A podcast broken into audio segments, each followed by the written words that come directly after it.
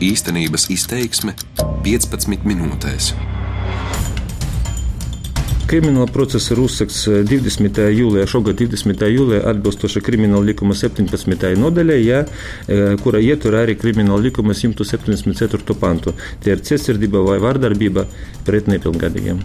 Mana rīcība nav tādu faktu par to, ka Adamova skolas internātā vadība ja, tā, nu, trauca mūsu izmeklēšanai. Atklāti sakot, īstenībā jā. Jā, es biju diezgan pārsteigta, jo nu, varbūt tāpēc, ka es neesmu ar to saskārusies. Jā.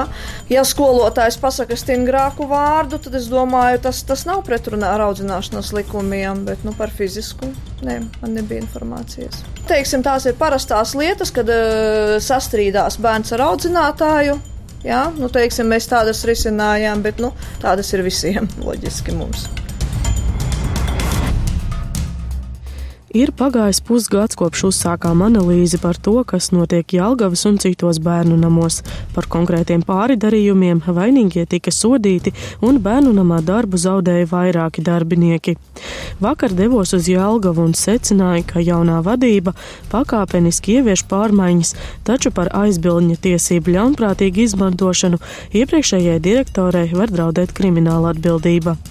Tieši Jālgavas gadījumā, vērtējot bērnu individuālās vajadzības valsts apjomīgajā projektā, biedrības bērni bērniem eksperti jau martā atbildīgajām institūcijām nodeva papildu iesniegumu, kurā aprakstīta epizode ar kādu zēnu, kas nāk no Jālgavas bērnama, bet faktiski dzīvoja Sadamovas palīga skolā. Viņu biedrības psiholoģe Andrija Likova sastapusi skolēnu pavasara brīvlaikā ieslēgtu izolatorā. Lūk, fragments no iesnieguma, uz kuru balstoties Bērnu tiesība aizsardzības inspekcija uzsāka plašākas pārbaudas konkrētajā skolā, un šobrīd arī valsts policija ar prokuratūru izmeklē iespējamus noziedzīgus nodarījumus pret nepilngadīgiem konkrētajā skolā. Tagad fragments no epizodes, par kuru inspektori uzzināja pastarpināti tikai tādēļ, ka zēns pavasara brīvlaikā bija nosūtīts uz Jālgavas bērnu namu. Mans vārds ir Vita Anstrate. Epizode Augstpapēžu kurpes. Kāds zēns viens pats ieslēgts tukšā istabā. Pēc pieprasījuma policists atslēdz durvis un izlaiž viņu ārā. Darbiniece Inese nespēja paskaidrot, kāpēc zēns bijis izolēts. Zēna rokas un kāju lejas daļu klāj zilumi. Zēns stāsta, ka viņu piekāvusi Adamovas speciālās internātu skolas audzinātāja Anita. Viņa situsi ar kājām. Bērns saka, ka pēc brīvlaika uz Adamovas skolu neatgriezīsies un bēgs no iestādes. Zēns psiholoģē ļāvis zilumus arī nofotografēt, un tie apskatām iesniegumā. Toreizējā bērnu nama direktore Māja Neilande iespējamību, ka zēns ticis piekauts, noliedza, sakot, ka tieši otrādi no skolas viņš atgriezies ļoti priecīgs. Vadība zilumus neredzēja, audzinātājs arī, pat pašvaldības policists, kas ieslēgto zēnu izlaida no izolātora, lai gan tobrīd zēns bija ģērbies tēkraklā. Pēdējo mēnešu laikā radio saņēmis arī arī citu bijušo Ādamovas skolēnu liecības par vardarbību no personāla puses, krūšanu pret sienu, ieslēgšanu izolatorā un citiem. Viņi skolu dēvē par Ādamovas centrālu cietumu. Valsts bērnu tiesību aizsardzības inspekcija, izmeklējot lietu, pamanīja arī cietsirdīgu izturēšanos pret bērniem, kā rezultātā var iestāties krimināla atbildība. Lai notikušo skaidrotu plašāk, šīs dienas raidījumā dodos uz Adamovas speciālo skolu Rēzeknes pusē. Ādamovas speciālajā skolā mācās gandrīz 90 bērni ar garīgās attīstības un uzvedības traucējumiem. Aptuveni trešdaļa nāk no bērnu namiem. Viņu vidū arī iespējams piekautais puisis, ar kura stāstu aizsākās bērnu inspekcijas izmeklēšana. Inspekcijas vecākās inspektoras Rezeknē Gunita Kopeika un Rita Vasiljeva sākotnēji secināja, ka sišana nav notikusi, bet skolotāji zēnam uzkāpa uz kājām. Skolotāji sacīja, ka tas izdarīts netīšām. Notikušo ilgi skaidroja, jo bija izveidojies konflikts starp internāta audzinātāju un konkrēto zēnu. Notikušajiem bija arī acu liecinieki. Intervējot viņus un citus skolēnus, ievākt informāciju, kas liecina par konkrētās audzinātājas iespējamu cietsirdīgu rīcību pret bērniem pēdējo divu gadu laikā. Inspekcija administratīvo lietvedību par vairākām fiziskās un emocionālās vardarbības epizodēm tagad ir izbeigusi, tā skaitā par gadījumu ar augstpapēžu kurpēm, taču atsevišķas epizodes tagad izmeklē valsts policija par to turpinājumā. Krimināla process notiek neatkarīgi no inspekcijas izbeigtās lietvedības, informē inspekcijas vadība Rīgā.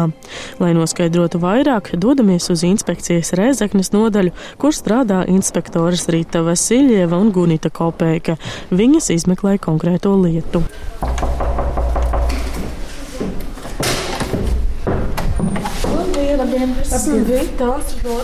Diemžēl mēs komentārus nesniedzam jo to vadība mums ir uh, departamenta direktore, kas koordinē kopā liek, saka, visu to Jelgavas lietu, un viņa koordinē.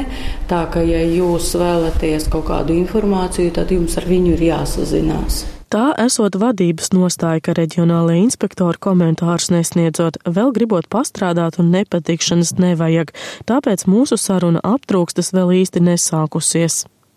Bērnu tiesību aizsardzības inspekcijas elektroniskajās datu bāzēs rakstīts, ka pēdējā sūdzība par šo skolu saņemta pirms diviem gadiem, bet tā nebija saistīta ar iespējamu vārdarbību. Valsts policijas redzeslokā šī skola bijusi vairāk kārt audzēkņu savstarpējas vārdarbības dēļ, nesot bijis ziņu par citādiem pārkāpumiem no personāla puses. Inspektoru savāktie pierādījumi nodot valsts policijas Latgales reģionālajai pārvaldei. Tā sāka kriminālu procesu par noziedzīgiem nodarījumiem pret ģimeni un nepilngadīgajiem. Pagaidām policijas darbinieki ir nerunīgi, līdzīgi arī prokuratūrā. Lietu izmeklē Rezeknes prokuratūras prokurore Jeļena Kalvāne. Viņa interviju atsaka, jo izmeklēšana šajā krimināla procesā esot sākuma stadijā un vēl nesot pienācis laiks, ko publiski komentēt. Sarunai atsaucas valsts policijas Rēzeknes iecirkņa priekšnieks Gunārs Paškevičs. Viņš saka, ka lieta ir apjomīga un ilgs laiks vajadzīgs visu bērnu nopratināšanai. Braucot arī uz Rīgu, kur tagad mācās zēns, ar kura stāstu aizsākās izmeklēšana. Garās sarunās Paškevičs neielaižas, vairāk kārt atgādinot, ka esot runa par bērniem ar psihiskām saslimšanām. Mēs runājam tagad ar bērniem nepilngadīgām personām ar psihisko neiroloģiskiem traucējumiem vai slimībām, ja, kuri, teiksim tā, uzturas Adamovas skolas internetā. Krimināla process ir uzsākts 20. jūlijā, šogad 20. jūlijā atbilstoši krimināla likuma 17. nodaļai, kura ietver arī krimināla likuma 174. pantu. Tie ir cietsirdība vai vardarbība pret nepilngadīgiem. Izmeklēšanas laikā konkrētā audzinātāja uz laiku no amata pienākumu pildīšanas ir atstādināta. Par galīgu darba attiecību izbēgšanu skolas vadība pagaidām nedomā un arī savu vainu notikušajā nesaskata. Interviju skolā direktors Jānis Puriņš sākumā atsaka, piebilstot, ka nepieciešams oficiāls radio priekšniecības iesniegums. Kad iesniegums gatavs, direktors atbild, ka skolā nelaidīšot, jo nesot informēts par kriminālu procesu esamību un tā būtību. Vēstulē viņš informē, ka policija skolas vadību ne rakstiski, nekādā citā veidā nav informējusi par kriminālu procesa norisi, tāpēc interviju sniegt nevarot. Policijā tikmēr saka, vēl šodien izmeklētāji rīta pusē tikušies ar direktoru, un viņš esot gatavs sadarboties. Man rīcība nav tādu faktu par to, ka Adamovas skolas internātā vadība, tiksim tā, nu, trauca mūsu izmeklēšanai. Tā kā neko labu par skolu nestāstot ar mums nesot vērts runāt, tā iepriekš skolas direktors gribējis vērsties tiesā par godu un cieņas aizskaršanu, taču pagaidām pārdomājis. Vietējā bāriņtiesa mierinājusi, ka skandāls noklusīšot. Tas vēlreiz apliecina, cik ciešā sazobē strādā pašvaldība un visas tās struktūras, kas ikdienā ir sistēmas darbinieki. Skolā ierodamies agrā pēcpusdienā. direktoru varam satikt. Meklējam direktoru, bet viņš esot izbraucis. Viņa vietniece Anita Babre aicina mūs uz direktoru kabinetu. Īsā sarunā viņa apstiprina to, ka gaidot ziņas no policijas, un tas nozīmē, ka direktors mēlojas, sakot, ka neko par kriminālu procesu nezina. Par to, ka internāta audzinātājas rīcībā varētu būt saskatāma cietsirdīga attieksme, Bābra ir pārsteigta. Atklāti sakot, īstenībā jā. Jā, es biju diezgan pārsteigta, jo nu, varbūt tāpēc, ka es neesmu ar to saskārusies. Jā. Ja skolotājs pasaka stingrāku vārdu, tad es domāju, tas, tas nav pretrunā ar audzināšanas likumiem, bet nu, par fizisku. Nē, man nebija informācijas. Teiksim, tās ir parastās lietas, kad uh, sastrīdās bērns ar audzinātāju. Jā, nu, teiksim, mēs tādas risinājām, bet nu, tādas ir visiem loģiski mums. Pilnīga informācija par notikušo ir tikai Bērnu tiesību aizsardzības inspekcijai un policijai, kas izmeklēšanas laikā detaļas neatklāja. Savu atbildību par kolektīvu ir skolas direktoram. Jautāja Rēzeknes Bērnu tiesību aizsardzības inspekcijas inspektorei Vasiljevai. Vai jums šķiet pieņemam, ka viņš turpina būt direktors? Uh, to atkal lem pašvaldība. Ja? Tā ir pašvaldības skola. Skola ir nepilnu 6 km attālumā no Rēzeknes novada sociālā dienesta. Tur stāsta, ka bērni iepriekš par notiekošo dienestā nesot vērsušies, un skolā jau pašlaik strādājot psihologs, vēl cits atbalsta personāls, kas problēmas varot atrisināt turpat uz vietas, neiesaistot pašvaldību. Tomēr interesants ir fakts, ka skolai tiesības sargājošās iestādes uzmanību pievērsa pētot notikušo citā institūcijā Jelgavas bērnu namā. Dienesta vadītājs Silvija Strankale arī tagad saka, ka oficiāls informācijas par policijas izmeklēšanu Adamovā pašvaldībai nesot, cik vēl šādu slēptu vai nezināmu gadījumu varētu būt. Cik daudz šādi gadījumi?